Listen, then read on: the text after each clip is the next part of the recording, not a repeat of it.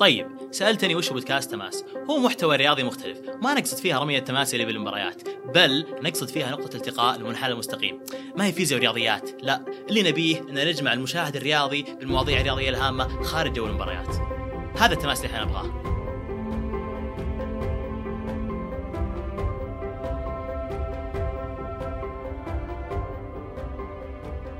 آه، الحلقة الأولى بإذن الله راح تكون عن اللاعب الأجنبي وضيفنا اللي راح يتكلم فيها أخونا عبيد الله العيسي. حياك الله أخوي عبيد. يا هلا فيك سعيد بوجودي معكم وإن شاء الله أنه نقدم حلقة مثرية للأخوة المستمعين. في البداية أشكرك على قبولك الاستضافة آه، أكرمتنا بقبولك وبإذن الله نطلع بحلقة مثرية للجميع بإذن الله.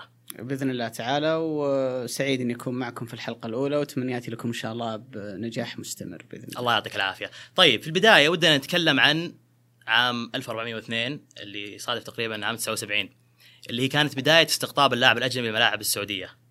أعتقد كانت مح... آه خانتين أو لاعبين فقط في لكل فريق. وش كانت الفكرة في البداية؟ وش صار بعدها؟ أعتقد إنها توقفت ورجعت مرة ثانية، احكي لنا عن يعني مختصر بسيط عن البداية.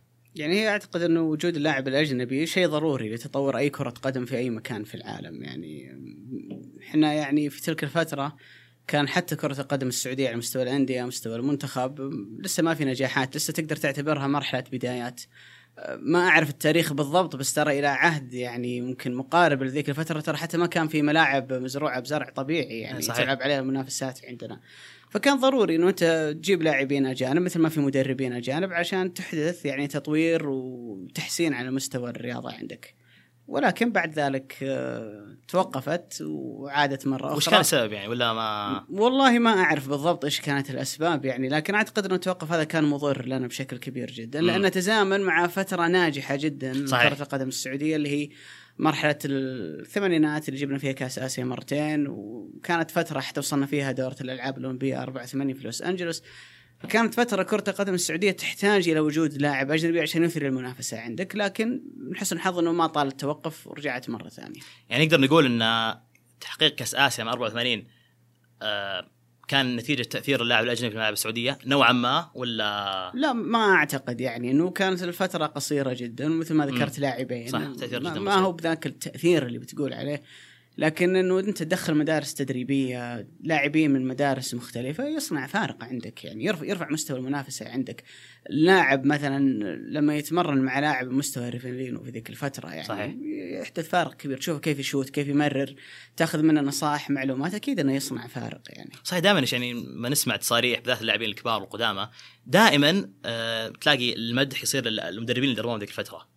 دائما سواء ماجد عبد الله ثنيان نعيمة سامي الجابر دائما يكون مدحهم للاعب المدرب اللي كان درب. فواضح إن فعلا كرتنا كانت تحتاج آه، يعني خبرات من من برا عشان تثريها. طيب العودة عام 92 أتوقع هي اللي تعتبر العودة الحقيقية لل صحيح. وبداية لل يعني بعدها صارت الإنجازات ال 96 والكأس العالم.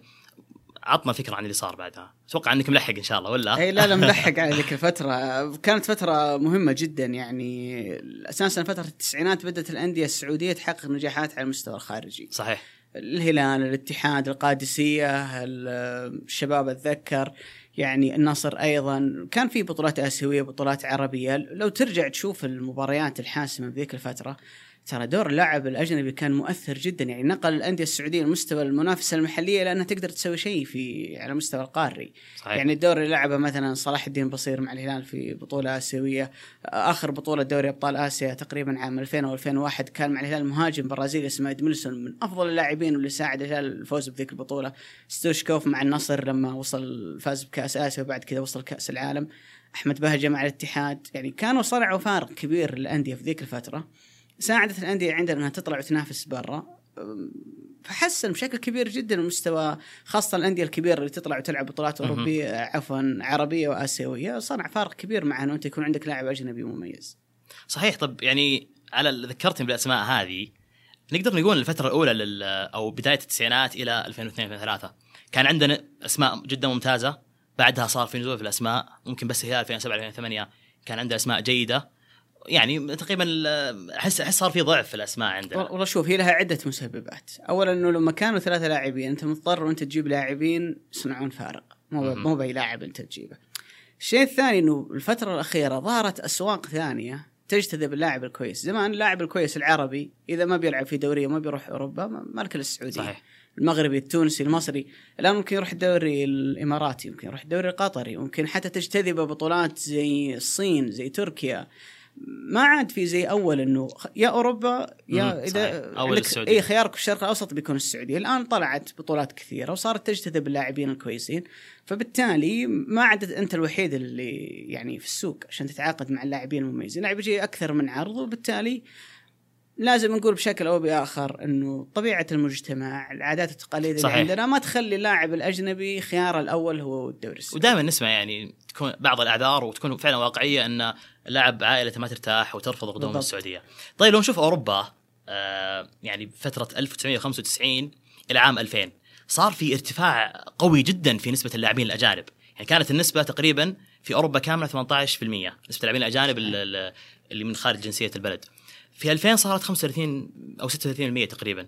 وش القصة بالضبط؟ و يعني هل هل نقول إن ال- ال- الارتفاع هذا غير ملامح الكرة الأوروبية؟ بلا شك يعني قبل فترة م، كتبت تغريدة في تويتر تكلمت فيها عن الدوري الإنجليزي آه، فكرة استخدام ثلاثة مدافعين ثلاثة خمسة اثنين ثلاثة مم. أربعة ثلاثة أي شكل من الأشكال اللي تلعب فيها بثلاثة مدافعين النسبة كانت ما تتجاوز يعني من إجمالي المباريات اللي في الدوري 2% 3% 5% يعني تتراوح في هالحدود من لما جاء أنطونيو كونتي مدرب تشيلسي أي. ارتفعت النسبة أول سنة إلى تقريبا 18% السنتين 27% اللي أحدث لك الفارق هذا هو وجود المدرب الأجنبي وقدرته على أنه يتعاقد مع لاعبين. يخدمون توظيف أي يخدمون طريقة اللعب اللي هو مم. يلعب فيها. فيحدث تغيير كبير في شكل كرة القدم. على سبيل المثال برشلونة الأسلوب الجميل اللي يلعب فيه التيكي تاكا ترى هي مأخوذة بشكل ما. من الكرة الشاملة الهولندية مم. لولا إنه كان قادر يجيب رين- رينوس ميتشلز اللي هو مدرب الهولندي العظيم يوهان كرويف وبعد كذا لو تذكرون بداية التسعينات الفترة اللي كان برشلونة نص اللاعبين اللي فيه هولنديين أيام فيليب كوكو أي. أوفرمارس والأخوين ديبور وكلويفرت والشلة هذولا يعني لولا قدرته على أن يتعاقد مع هالكم من اللاعبين من المدرسة اللي هو يبغى يطبقها ترى ما كان يقدر يوصل ما نجح الخطه صحيح. فهو بلا شك إنه يغير في تركيبة كرة القدم يعني من ناحية الأساليب من ناحية ال... إنه تطلع قوة جديدة مثلا زي مانشستر سيتي باريس سان جيرمان بسبب قدرته المفتوحة على انه يتعاقد يقدر يصنع لك فريق من لا شيء يعني خلال سنوات يكون من أقوى الأندية. صحيح. طيب وش سر الارتفاع بالنسبة هذه؟ السر اللي هو منتصف التسعينات اللي هو قضية بوسمان الشهيرة هي اللي أحدثت الفارق. يعني إلى ما قبل ما يعرف بقانون بوسمان واللي ما يعرفه هو لاعب بلجيكي لاعب مغمور يعني ما هو بذاك اللاعب المعروف. كان. عنده عقد مع نادي انتهى عقده نادي رفض انه يحرره فراح رفع قضية في المحكمة انه أنا عقدي انتهى والنادي مو راضي يخليني أمشي. صار الموضوع دخل فيه يعني أخذ آه، مداولات عديدة. بعدين تم الحكم إنه هذا شكل من أشكال العبودية قالوا في حينها. إنه النادي يملك اللاعب وما يخليه يعني ما يعطيه حرية إنه يعمل في مكان آخر. فأقروا قانون إنه بمجرد انتهاء عقد اللاعب يقدر ينتقل لأي فريق ثاني بدون موافقة الفريق الأول. طبعا بعدين صار فيها تنظيم اللي هو آخر ستة شهور تقدر أي. توقع. صاحب شيء ثاني مهم جدا على مستوى أوروبا إنه اعتبار اللاعب الأوروبي لاعب غير أجنبي. آه. اللي من دول الاتحاد الأوروبي. فبالتالي صار النادي يقدر يتعاقد مع عدد مفتوح من اللاعبين الأوروبيين. مسموح له ثلاثة لاعبين من خارج أوروبا.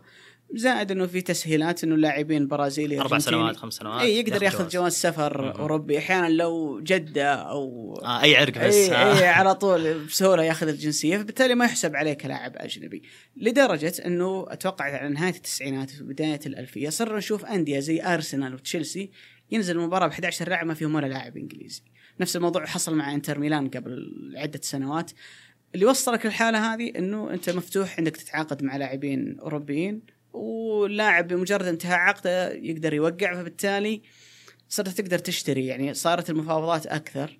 سابقا النادي يتمسك بلاعبه ما يفكها يعني ينتهي عقدك ما ينتهي عقدك أنت جالس ما ما حتروح. الآن لا يعني صار النادي يحرص إنه يبيع اللاعب قبل سنة سنتين من نهاية عقده عشان يطلع منه يعني مردود مالي. طيب حديثك هذا جاب لي فكرة الآن إن ماذا لو طبق فكرة اللاعب ال- الأوروبي خليجيا وصار اللاعب ال- ال- الخليجي محلي في في وش تتوقع نتائج؟ طبعا في سمعنا أخبار في في كلام في أي. كلام إنه ممكن يطبق بهالشكل يعني يكون اللاعب الخليجي يعتبر لاعب آه، مواطن بس بنهاية الأمر يعني بصراحة يعني أي. الخيارات في الدول الخيارات ما تختلف لا، لا. كثير عن الخيارات عندك صحيح بس لا. خلينا ننظر فيها بنظرة عكسية عندنا كمية لاعبين كبيرين جدا بالذات صحيح. مع نظام الثمان اجانب صحيح آه تقليص القائمة إلى 30 لاعب أتوقع كثير لاعبين بيلقون فرص صحيح. برا وبيلاقي عرض مالي أفضل وبالتالي. بيروح وبيلعب بيكون أفيد له بشكل ما. ممكن حتى يطبق إنه حتى قالوا على مستوى دوري أبطال آسيا. احتماليه انه يتم زيادة عدد اللاعبين الأجانب ولكن إنه ممكن يسمح لك بعدد أكبر من اللاعبين الآسيويين، يعني أنت حاليا تلعب أربعة في فكرة إنه يزاد العدد إلى ستة بس الاثنين زيادة يكونون لاعبين آسيويين. بس أعتقد انها بآخر اجتماع رفضت أو يعني لا زال في مداولات الاتحاد ع- الاسيوي دائما لا. زال يعني في مداولات على الموضوع لكن ممكن إنه حتى الفكرة هذه اللي أنت قلت اللاعب الخليجي مم. مثلا زي عموري في الهلال علي الحبسي. إي فهد الأنصاري بتلاقي لك لاعبين يعني بس ما بيكونون بالعدد الكبير أنا أعتقد صراحة إن لو صارت راح استفادت اللاعب السعودي أكثر من. الأندية السعودية. بالضبط. وإنه الموضوع حتى ممكن يدخل فيه قالوا إنه حتى جانب حكام وتبادل خبرات ومدربين بي- بيعود بالنفع علينا يعني بشكل أو بآخر. جميل جدا. طيب ودي نتكلم شوي عن ال- ال- البرازيل. أنا صراحة صدمت يوم عرفت إن نسبة اللاعبين الأجانب في الدوري البرازيلي 6% فقط. وبنفس الوقت ما تخلو دولة في العالم من كميه كبيره من اللاعبين البرازيليين. وش قصة البرازيل؟ يعني هل هل عندهم مواهب ولا عندهم أكاديميات عالية؟ أنا ما أدري. بس أنا عندي مثال بسيط يعني آه، ماركينيوس لاعب النصر قبل ثلاثة أو أربع مواسم راح إعارة ست شهور ورجع. رجع لاعب مختلف. ما أتكلم آه، فنيا أتكلم آه، بدنيا. كان يعني صغير مرة ضعيف عرفت؟ رجع اللاعب قوه جسمانية صار يكسب التحامات. فوش قصة البرازيل؟ هو البرازيل على مستوى شيء على مستوى دورينا هو أكبر نسبة لاعبين غير صحيح. سعوديين هم من البرازيل. صحيح. نفس الموضوع في أوروبا ترى تشوف جنسيات المحترفين في البطولات الأوروبية تجد أنه أعلى نسبة هم اللاعبين البرازيليين. وين ما تروح مكان في العالم تلاقيهم أعلى نسبة. مهم، صحيح. شعب يحب كرة القدم عندهم عدد مهول من الأندية. ناهيك عن حتى الهواة يعني ذكر قبل سنة أو سنتين في لاعب جابوه أعتقد الباطن كان من أفضل اللاعبين اللي جابوه يلعب درجة ثالثة في البرازيل عندهم حتى الدرجات المتدنية ترى فيها لاعبين محترمين جدا يعني فهو بلد يصدر بشكل كبير جدا مواهب أنا بالنسبة لي أستغرب حتى أن يكون عندهم 6% يعني لاعبين آه حلو برازيليين حلو، يعني حلو. عندهم اكتفاء ذاتي فظيع جدا على مستوى طب هل عندهم. الامكانيات العالية؟ من أي ناحية؟ الإمكانيات الرياضية كأكاديميات وتأسيس ولو الوضع حواري يعني زي لا لا لا, لا يعني زي الم- ال- صراحة استغربت مرة من ال- المهاجم البرازيلي اللي قبل 2014 كان يشتغل في الشارع 2018 كثير أساسي في البرازيل بالضبط ف لا لا عندهم عند شوف عندهم أوكي يعني في نهاية الأمر هو بلد ما هو بلد آه، مو غني، ثري صحيح. وعنده بنية تحتية قوية زي معظم الدول الأوروبية لكن عندهم اهتمام بكرة القدم وهم يعتبرون إنه هذه يعني هي السلعة الأساسية اللي هم يصدرونها للعالم. يعني البرازيل أول شيء يجي في بالك كرة قدم ولاعبين برازيليين. رأس مالها كرة إيه، قدم. صحيح صحيح.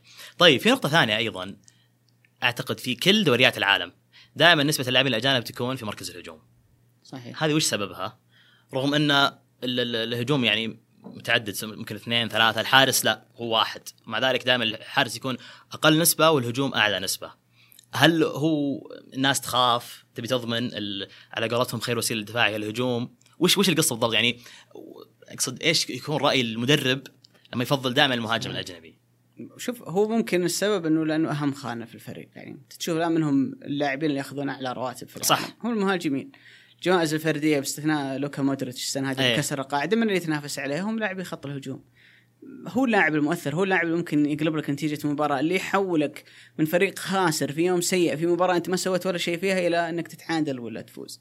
فطبيعي من حق أي فريق صراحة إنه المهاجم اللي هو يعني رأس حربة الفريق أهم لاعب فيه الهداف إنه يجيب لاعب آه، مهاجم. وزاد الموضوع إنه عندنا صراحة ما في في شح كبير جدا مم. بالمهاجمين. أي ه- ه- عندنا هين. أي ما, ما يعني- نختلف. أي يعني عندنا وضع سيء جدا. يعني أنت الآن نرجع مثلا خلينا نقيس على الدول اللي ما عندها لاعبين محترفين بالخارج. يعني صعب إنه تقيس مثلا على إيطاليا على أسبانيا لا لاعبينهم كثير منهم. يلعب برا. لكن أحسن مثال ممكن تقيس عليه هي إنجلترا لأنه كأس العالم الأخيرة ما عندهم ولا لاعب من خارج الدوري الإنجليزي. ترى باستثناء هاري كين اللي يلعب أساسي في توتنهام ما عندهم مهاجمين يلعبون أساسيين في أندية كبيرة. فاردي يلعب في ليستر سيتي راشفورد احتياطي. في مانشستر يونايتد ستورج احتياطي. في ليفربول. باستثناء هاري كين اللي هو حاله استثنائية ما عندهم مهاجم يلعب أساسي في فريق كبير ومنافس. نفس الوضع ترى عندنا ما في مهاجمين جيدين والأندية صراحة ما تلومهم يعني بمجرد تقيسها على شيء ثاني حراسة المرمى. مجرد ما سمحوا كل الأندية راح جابت حراس أي. مرمى جانب صحيح. طيب حتى مع تغير الأساليب اللعب ما زال يعتبر المهاجم هو أقوى شيء؟ أو أهم خانة عفوا. لا بس إنه أنت على مستوى إنك تجيب ثمانية لاعبين. إيه. اي يعني من الصعب. إنه ما يكون بينهم لاعب هجوم.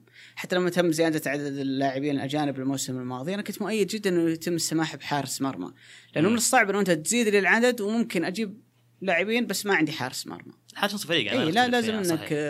ما تقيدني في هالموضوع طيب ندخل في ال- ال- الجو المحلي إيش رأيك في القرار الثمانية اجانب يعني تقريبا في بداية القرار كانت شبه الشارع منقسم بس صحيح. بعد ما جو اللاعبين وذا العالم آه، صحيح. إيش رأيك بالضبط؟ والله شوف أنا عن نفسي أنا مؤيده بشده وشوف إنه قرار يعني مهم جدا ويعالج مشكلة مهمة جدا عندك اللي هو إنه أنت ما عندك لاعبين سعوديين يلعبون خارج آه، في دوريات أوروبية أو محترفين بأي شكل من الأشكال.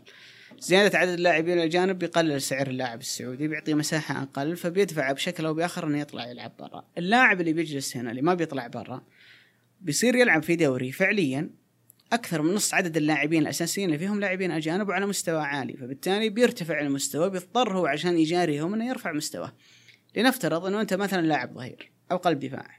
أنت بتعود طوال الموسم مين عندك مهاجم خطير وفتاك وتحركاته يعني ما تقدر تغفل عنه ثاني عمر السومة. صحيح. طيب غير عمر السومة مهاجمين جيدين متوسطين. السنة هذه عندك كل الأندية تقريبا عندها مهاجمين كويسين. فبالتالي يا ترفع مستواك لدرجة إنه أنت تصير يا إنسى تلعب. إي يعني على سبيل المثال نضرب مثل بأحمد عسيري كم له سنة يلعب في الاتحاد؟ خمس وست يعني سنوات. عدة سنوات. إيه. ما في نقد مورس عليه زي السنة هذه. ليش؟ لأنه لعب ضد لاعبين مثلا زي مباراة التعاون تومبا مهاجم التعاون. مهاجم ممتاز جدا. طلع لك كل العيوب اللي موجودة عند أحمد عسيري. سابقا يلعب مع مهاجمين مستويات أقل. ف ما أقول لك إنه ما ينكشف بس الآن أنت تصير تضطر إنه ترفع مستواك عشان تقدر تتماشى مع الرتم وقوة المنافسة اللي موجودة في الدوري. فيعود بالنفع على اللاعب السعودي. طيب. نبي ناخذها ب- كتوقع زمني. يعني متى فعلا اللاعب السعودي بيتطور مع احتكاكه باللاعبين الأجانب؟ فعليا يعني إلى أي مدى بيكون التطور وكم بياخذ وقت؟ يعني أعتقد نظريا الموضوع حلو بس فعليا أحس يعني مو مو بالبساطة هذه إن صحيح. صحيح. لا أنا أنا أعتقد إنه ما نأمل كثير من هالجيل. يعني أنا امل أكثر على الاجيال اللي بتطلع بعد. يعني الجيل هذا معظمهم قضوا سنوات نجومية يعني. أه مثلا تضرب مثال بلاعب زي يحيى الشهري.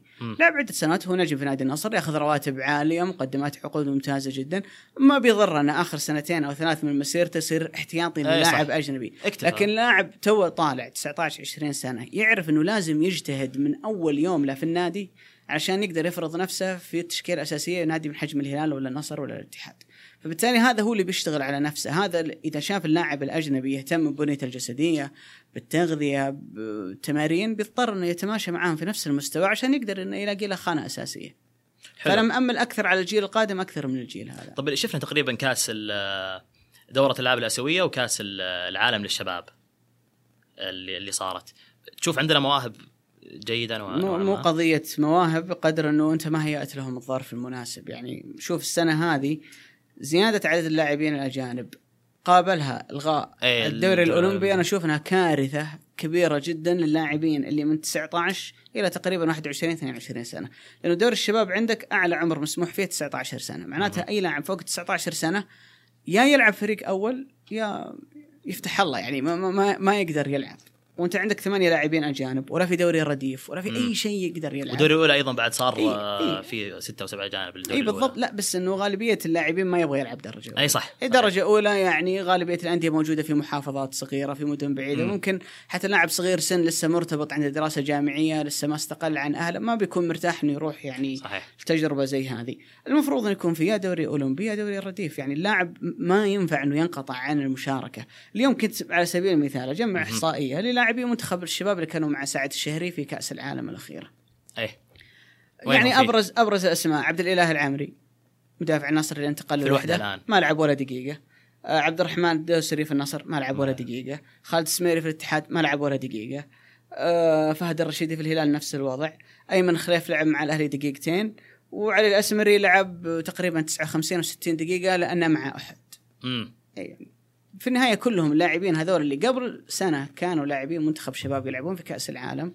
هم كبار وما عاد يقدرون يلعبون دوري شباب. وانت لغيت دوري أولمبي والفريق الأول ما يقدرون ما صار مكان. فيه فصار ما يلعب.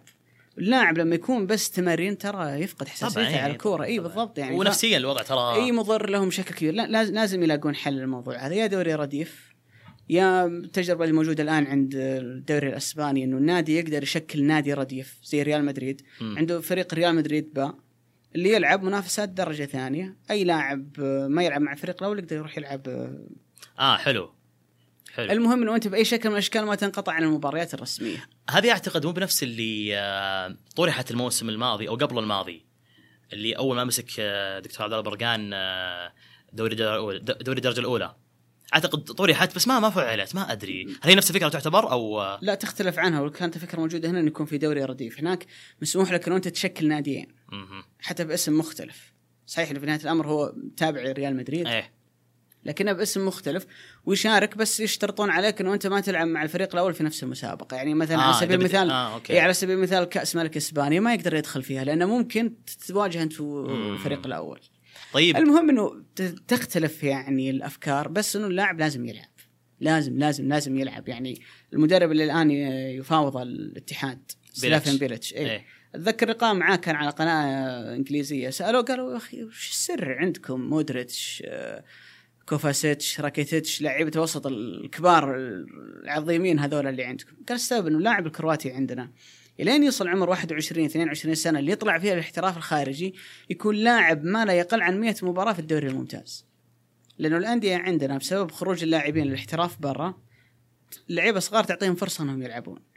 فيلعب ويغلط ويتمرس ويكتسب خبرة لين ما يشتد عودة بعد كذا يطلع. قال إنه إلى سن 21 سنة نحرص كذا رقم معين اللاعب لازم آه. يوصل إلى 100 مباراة. عندنا اللاعب 21 22 يمكن ما لعب ولا مباراة. إي. ما لعب لا فترات قصيرة مع الفريق الأول. ترى هالشيء هذا مضر مضر جدا للاعب طب دامك جبت طاري آه، الاتحاد آه، وش رأيك باللي صار له؟ ثلاث خسائر إقالة لدياز استعجلوا آه، ولا تعاقد مع دياز كان خطأ؟ يعني إيش اللي تشوفه؟ شوف من ناحية الاستعجال هو تقدر تاخذ الموضوع من زاويتين. تقدر تقول انهم استعجلوا الانديه جابت لاعبين أفضل. لا لا أقصد استعجلوا بالإقالة. لا في ناس تقول لك إنه استعجلوا الاتحاد خلص مع اللاعبين الأجانب بدري. إي صح. اي فكانوا يعتقدون إنهم خيارات جيدة لكن لما تعاقد النصر مع أحمد موسى جوليان والهلال مع جوميز النظرة اتضح- تغيرت. اي يتضح إنه في فارق مثلا. لكن أنا أشوف إنه نادي زي الاتحاد أنت بتغير جلد الفريق كان مهم جدا انه أنت تجيب لاعبينك في وقت مبكر عشان ينسجمون مع بعض. مشكلة الاتحاد في ظني إنه دياز ما كان المدرب المناسب لمشروع الاتحاد إنه أنت تنتقل نقلة نوعية من فريق يلعب ما بنقول كرة قدم دفاعية لكنها ما تتسم بالطابع الهجومي. اللي موجود عند دياز استحواذ إي. أو إيه. عشان ينجح دياز معك يجي في ظروف زي اللي جاء فيها للهلال فريق مستقر لعيبه من سنوات يلعبون مع بعض وعندك القدرة المالية إنه أنت تجيب له لاعبين أجانب على مستوى عالي لكن جاء الاتحاد أنت لازم تغير الأجانب كلهم. وبتجيب لعيبة محليين جدد وبتنتقل من أسلوب لأسلوب ومن مرحلة لمرحلة. وزادهم ما اصبروا عليه يعني ما ما اعطوا وقت. مع إني أتوقع إنه حتى لو اعطوا وقت دياز ما كان المدرب المناسب لمشروع الاتحاد حاليا. يعني نقدر نقول من الأساس من المفترض إن إدارات الأندية ما تتعاقد مع مدرب إلا ما يكون فيه آه، يعني زي ال- ال- التساوي بين أهدافك بالضبط. وأهداف المدرب وبعدين أو إمكانيات المدرب لازم تاخذ لازم تاخذ الموضوع بتدرج الآن شوف على. سبيل المثال ميلان والإنتر في الدوري الإيطالي إيه. واحد عنده مستثمر صيني واحد عنده مستثمر ما أدري إندونيسي أو صيني هو أيضا مم. يعني بسهولة يقدر يجيب لك أفضل مدرب في السوق أنشيلوتي آه، سيميوني آه، أي اسم بس. هو مؤمن إنه المرحلة هذه البداية أنت تتطلب اسم يتماشى مع مرحلة التأسيس بعد كذا ممكن تجيب مدرب أفضل تشيلسي على سبيل المثال في البداية جاب رانييري بعدين لما المشروع بدأ يتقدم صار يجيب مورينيو أنشيلوتي مدربين أكبر. مانشستر سيتي كم خذ لين ما جاب مدرب زي جوارديولا. في. البدايه ترى كان هيوز ومدري مين ولين ما صعد إلى مستوى إنه أنا أجيب بيب جوارديولا لأني أسست له قاعدة نجاح يقدر من خلالها ينجح. الاتحاد على طول راح لدياز. اللي هو يعتبر مدرب أنت المفروض تجيبه لما خلاص الفريق اشتد عوده سنتين ثلاث ينافس على الدوري. حتى لو ما يجيب دوري بس على الأقل ينافس المرحلة هذه تتطلب وجود مدرب زي دياز آه، مو حلو. مرحلة تأسيس أروح أجيب فيها دياز كان خيار غير جيد في نظري طيب تعتقد بيطول موضوع الثمانية جانب ولا يعني كم كم سنة بيستمر؟ والله شوف أنا أعتقد إنه هو جزء من رؤية كبيرة جدا. لتطوير كرة القدم السعودية عندنا وانها تكون مصدر جذب سواء للشباب السعودي داخل البلد أو آه، يعني سلعة ترويجية أنت تصدرها للعالم الخارجي على الأقل الوطن العربي وعلى مستوى آسيا. طالما الفكرة هذه موجودة وفي هذا الاهتمام من الصعب إنه يتم التنازل عن فكرة ثمانيه لاعبين. أجانب ممكن حتى يزيدوا مع أشوف ثمانية خلاص هو عدد ما, عاد بعد شيء إيه. يعني. لكن إنه تتراجع ممكن مستقبلا يعني. بس ما بيكون الأسباب فنية إنه اللعيبة ما يلاقون فرصة. يعني ترى حتى موضوع إنه اللاعب السعودي بيتأثر والمنتخب بيتاثر ممكن هذه نحكي فيها لاحقا لكن لو بتاخذها رقميا ترى الموسم الماضي عندك 14 فريق. مم. آه، أربع لاعبين أساسيين. معناته بيبقى لك سبع خانات في كل فريق. تضربها في 14 يطلع لك آه، تقريبا آه، 98 لاعب. مم. حاليا أنت زدت عدد الأندية. صح في زياده عدد اللاعبين الاجانب بس أنت زدت عدد الأندية إلى 16 متوقع انه أنت ممكن تزيدها إلى 18 لما نوصل المباريات زادت صار عندهم بطوله العرب و بالضبط لما نوصل إلى مستوى أن يكون عندنا 18 فريق كل فريق فيه أربع لاعبين أساسيين إذا افترضنا. أنت بتبدا بسبعة اجانب عندك 72 خانة 72 حلو. مع 98 ما هو بذاك آه. الفارق الكبير وترى يعني اتساع قاعدة الاختيار انه يكون عندك 98 لاعب الناس تنظر لها أنه أنت بتعطيك خيارات أكثر لكن ترى واقعيا كأس العالم الأخيرة تشكيلتنا 23 لاعب ثلاثة محترفين برا ال 20 اللي أنت جايبهم من الدوري المحلي تسعة من الهلال وسبعه من الأهلي 16 لاعب بقى لك أربع لاعبين فقط من بقية صح. الأندية كلها فكرة إنه قاعدة الاختيار تكون كبيرة ترى ما هي بصحيحه دائما لأنه معظم اللاعبين اللي يلعبون في الأندية خارج الهلال والأهلي اللي هم كانوا يتنافسون على الدوري ما عندهم مستوى وتنافسية إنه أنت تروح فيهم كأس عالم لكن الان أنت لما ترفع المستوى وارد جدا إنه يصير عندك أساسي في المنتخب قلب دفاع من الوحدة مم. لاعب وسط من الاتفاق ليش إي. لأنه مستوى التنافس ارتفع حلو حلو. نظرة حلوة أول مرة أسمع فيها صراحة حلو حلو جدا طيب آه تقريبا مرة ثلاث جولات أو ثلاث جولات ونص آه يعني لعب النصر الهلال أمس. وش رأيك؟ انطباعك عن عفوا. انطباعك عن اللاعبين اللي شفتهم. آه صدق جلس واحد من الشباب ذاك اليوم قال لي شيء يعني لفت نظري. قال لي أول مرة أشوف أهداف حلوة في الدوري السعودي. يعني. ما الأهداف دي ما قد ما شفتها من قبل. صحيح. وش القصة بالضبط؟ ودائما لما يعني تكون في قوة هجومية نسمع إن هذا ضعف ضعف دفاع ولا قوة هجوم. ودنا نسمع منك يعني رأيك اللي شفته. في في فارق كبير جدا صراحة. يعني أنا مم. بالنسبة لي أول فارق لمسته من وجود اللاعبين الاجانب هو فارق في, في رتم المباريات. يعني سابقا هذا اللي المباريات خلى خيسوس يعصب أمس. إي إي يعني إي يعني؟ المباريات عندنا الرتم فيها يكون متوسط أو ما دون المتوسط. يعني اللعب ما هو بسريع. الكره ما. يتم تناقلها بسرعة. الآن تشوف مثلا زي مباراة الهلال والفتح أمس. مع أن اللعب تم تعطيله يعني أكثر من مرة وصراحة ما تلوم الفتح. يعني أي طبيعي. أندية كثير تتخذ الأسلوب هذا خاصة ضد نادي في فرق كبير في الامكانيات بينك وبينه زي الهلال. لكن تلاحظ ان المباراة شد وجذب هدف هنا هدف هناك. نفس الوضع حصل في مباراة التعاون والاتحاد. إيه اي صحيح فرتم الدوري رتم المنافسة سرعة ال- المباراة سواء سرعة الكره ولا سرعة جري اللاعبين ترى بيختلف. لأنه الآن اللاعبين هذول جايينك من مستويات بدنية ولياقية مختلفة عن اللاعب السعودي. لما زاد عددهم هم اللي بيفرضون عليك الرتم اللي انت تلعب فيه المباراة. لا ما عاد اللاعب السعودي هو المتحكم. صح. ما عاد المدرب مضطر انه يخفض الرتم لأنه اللاعبين السعوديين اللي هم يمثلون النسبة الأكبر في التشكيلة الأساسية ما يقدرون يجارون الآن لا. أنا ممكن أبدأ بأسلوب ورتم عالي جدا لأن عندي ثمانية لاعبين أجانب سبعة منهم أساسيين يقدر يفرض لي الرتم اللي أنا أبغاه. صحيح. على مستوى اللي انت ذكرت إنه الأهداف طبيعي جدا انه أنت جبت لاعبين على مستوى عالي جدا. والمستوى هذا ترى أنت الناس يعني في البداية ركزت على الاسماء الكبيرة أحمد موسى قوميس في الهلال. لكن بعد عدة جولات بدأ يتضح أنه في اسماء ما كان أحد يعرفها. مهاجم التعاون لكنها رائعة جدا صح. يعني مهاجم التعاون واحد منهم. جوانكا لاعب عظيم جدا. اتفاق رائع جدا. اليمان أي بالضبط. يعني أنا ظهير الشباب الأيسر معجب فيه جدا. إلى يعني الأندية كلها راح تجيب لك يا قلب دفاع يا محور لعبة وسط. قليل اللي جاب لك ظهير. ظهير رائع جدا. يعني نقطة قوة كبيرة جدا عند الشباب. وخانات كلها صراحة في في نقلة نوعية جدا على مستوى اللعيبة اللي جو الدوري هسه. يعني نقدر نقول نستمتع الموسم هذا أكثر. يعني من البداية حلوة صراحة. أي متوقع متوقع جدا. إنه بيرفع الرتم بيرفع التنافسية. تشوف مباريات غزارة تهديفية أكثر آه، قوة بدنية أكثر. يعني من أول أربع لاعبين أوكي يصنعون فارق لكن أو ستة. الموسم الماضي يمكن سنة واحدة اللي زاد عدد السته أي. لكن ثمانية أتوقع إنه بيغير بشكل كبير جدا من ال- شكل كرة القدم عندنا. حتى في نقطة اللي كنت آه، أتكلم معك فيها سابقا هو موضوع الخيارات المدربين. إيه. يعني الآن سابقا لنفترض ان أنت تعاقدت مع مدرب يلعب في البطولة اللي هو جايك منها 3 5 2 و 3 4 3 أنا من كان عندي وجهة نظر إنه صعب جدا تنجح بثلاثة مدافعين أسلوب لعب ثلاثة مدافعين وتعتمد على لاعب. لاعبين سعوديين. امم صح إيه. حتى لو بتجيب واحد هو واحد من أصل ثلاثة. دونيس لما نجح فيها نوعا ما مع الهلال كان السبب إنه اثنين من الأربعة الأجانب اللي عندهم قلوب دفاع صحيح. طبعا وكان في نقد كبير ولوم كبير إنه أنت كيف تضيع خانتين على دفاع المفروض إنك تستفيد منها في مراكز لكن لعبها. صح زي ما إيه. يقولون بالنهاية لكن الآن ثمانية صار سهل جدا الأهلي مثلا جاب آه، ثلاثة لاعبين منهم خط دفاع الشباب ثلاثة لاعبين من الأجانب اللي عنده خط دفاع. ممكن وانت تحط الثلاثة اللي ورا كلهم إذا تبغى تلعب ثلاثة خمسة اثنين تحط ثلاثة إيه، كلهم. لاعبين أجانب. فبالتالي ما عندك مقيد زي السابق انه انت شكل معين. تبغى تلعب استحواذ؟ عادي جدا. ممكن أجيب رباعي الوسط اللي يفرض لي رتم معين في المباراة كلهم لاعبين أجانب. والله أنا أعتمد على ظهيرين يزيدون هجوميا واختراقات مثلا زي البريك والشهراني في الهلال. ما عندي إمكانية. ممكن أجيب اثنين أجانب وأفرض الأسلوب هذا اللي أنا ألعب فيه. فبالتالي ما عندك مقيد زي سابقا لما كان اربعه لاعبين أجانب. الآن ثمانية عندك خيارات أكبر. تقدر تغير أسلوب اللعب.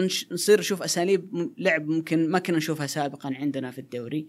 ما أتكلم عن طريقة يعني ثلاثة إيه. خمسة اثنين أو أربعة. حتى أسلوب استحواذ أسلوب مثلا كرات عالية. بتصير تشوف يعني ما عاد بيكون في شكل معين هو الشكل هذا الوحيد اللي أنت تشوفه في الدوري السعودي. حلو. طيب آخر شيء آه النصر والهلال أربع مباريات أربع مباريات كلهم فوز شيء أتوقع ما صار من زمان يعني إن الفريقين بتوقع مناسبة تحتم بتصير يعني بين بين مين في النهاية؟ أعتقد إنه الهلال والنصر والأهلي الأهلي؟ الأهلي ما حيبعد عنهم يعني الشباب متوقع إنه بينافس لكن ما بيكون عنده نفس طويل إلى آخر الجولات آه، الفارق مهم جدا إنه السنة هذه آه، 30 جولة بالتالي. ما عاد يعني فرصة التعويض أنت النفس. الطويل مهم إيه، جدا في النفس الطويل مهم جدا لحد الآن اللاعبين ال- كلهم يلعبون. ما في إصابات تقريبا لاعبين. اجانب مؤثرين. مع الوقت لما تكثر الإصابات. تتداخل البطولات يجيك دوري أبطال آسيا ويزيد. الإرهاق. تصير الاعتماد على دكة احتياط أكثر وضوح وبيصير النادي اللي عنده دكة احتياط هو اللي يفرق. اي هو اللي يفرق عن الأندية الأخرى. لكن أتوقع المنافسة تنحصر بين هالثلاثي. على منتصف الموسم بيبدأ يبان يعني ممكن واحد منهم يتأخر وتصير منافسة بين الفريقين بشكل أوضح. يعني الله يعطيك العافية. سعدنا بالحديث معك وبإذن الله لنا جلسة نهاية الموسم. ونشوف. ونشوف فوائد اللاعب الأجنبي. نشوف مين بيفوز هل آه، فعلا الأهلي الهلال النصر. ممكن يطلع لنا الاتفاق. اتفاق كان جيد نوعا ما الآن. لكن زي ما قلت في النفس الطويل ونهايه الموسم راح آه، وتداخل المباريات راح يفرق الموضوع. الله يعطيك العافية. شخصيا سعدت جدا بالحديث معك وأكرر شكري لك لقبولك استضافتنا. وبإذن الله تعالى تكون حلقة مثرية والمستمع استفاد منها بإذن الله. أنا سعيد أيضا بوجودي معكم وتمنياتي لكم بمزيد إن شاء الله من النجاح. تكون بداية خير ويعني البرنامج يلقى صدى واسع ويلاقي اهتمام من الأخوة المستمعين. لأن صراحة فكرة البرنامج حسب ما أطلعتني عليها. الخطة اللي عندكم إن شاء الله تعالى أنه تثري الساحة الرياضية اللي عندنا. برنامج يركز على جوانب ممكن معظم المنابر الإعلامية عندنا ما تركز عليها بشكل كبير جدا. تتعاطى مع الحدث كحدث لكن أنتم ما شاء الله عليكم مركزين على قضايا عامة وأوسع يعني بشكل كبير جدا من اللي يتم تداولها الله يعطيك العافية. ونبي وعد منك إن شاء الله نهاية الموسم. آه، نجيبك مره ثانية عندنا في الاستديو بإذن الله. الله يعطيك العافية. سعدنا في الحديث معك. شكرا لك.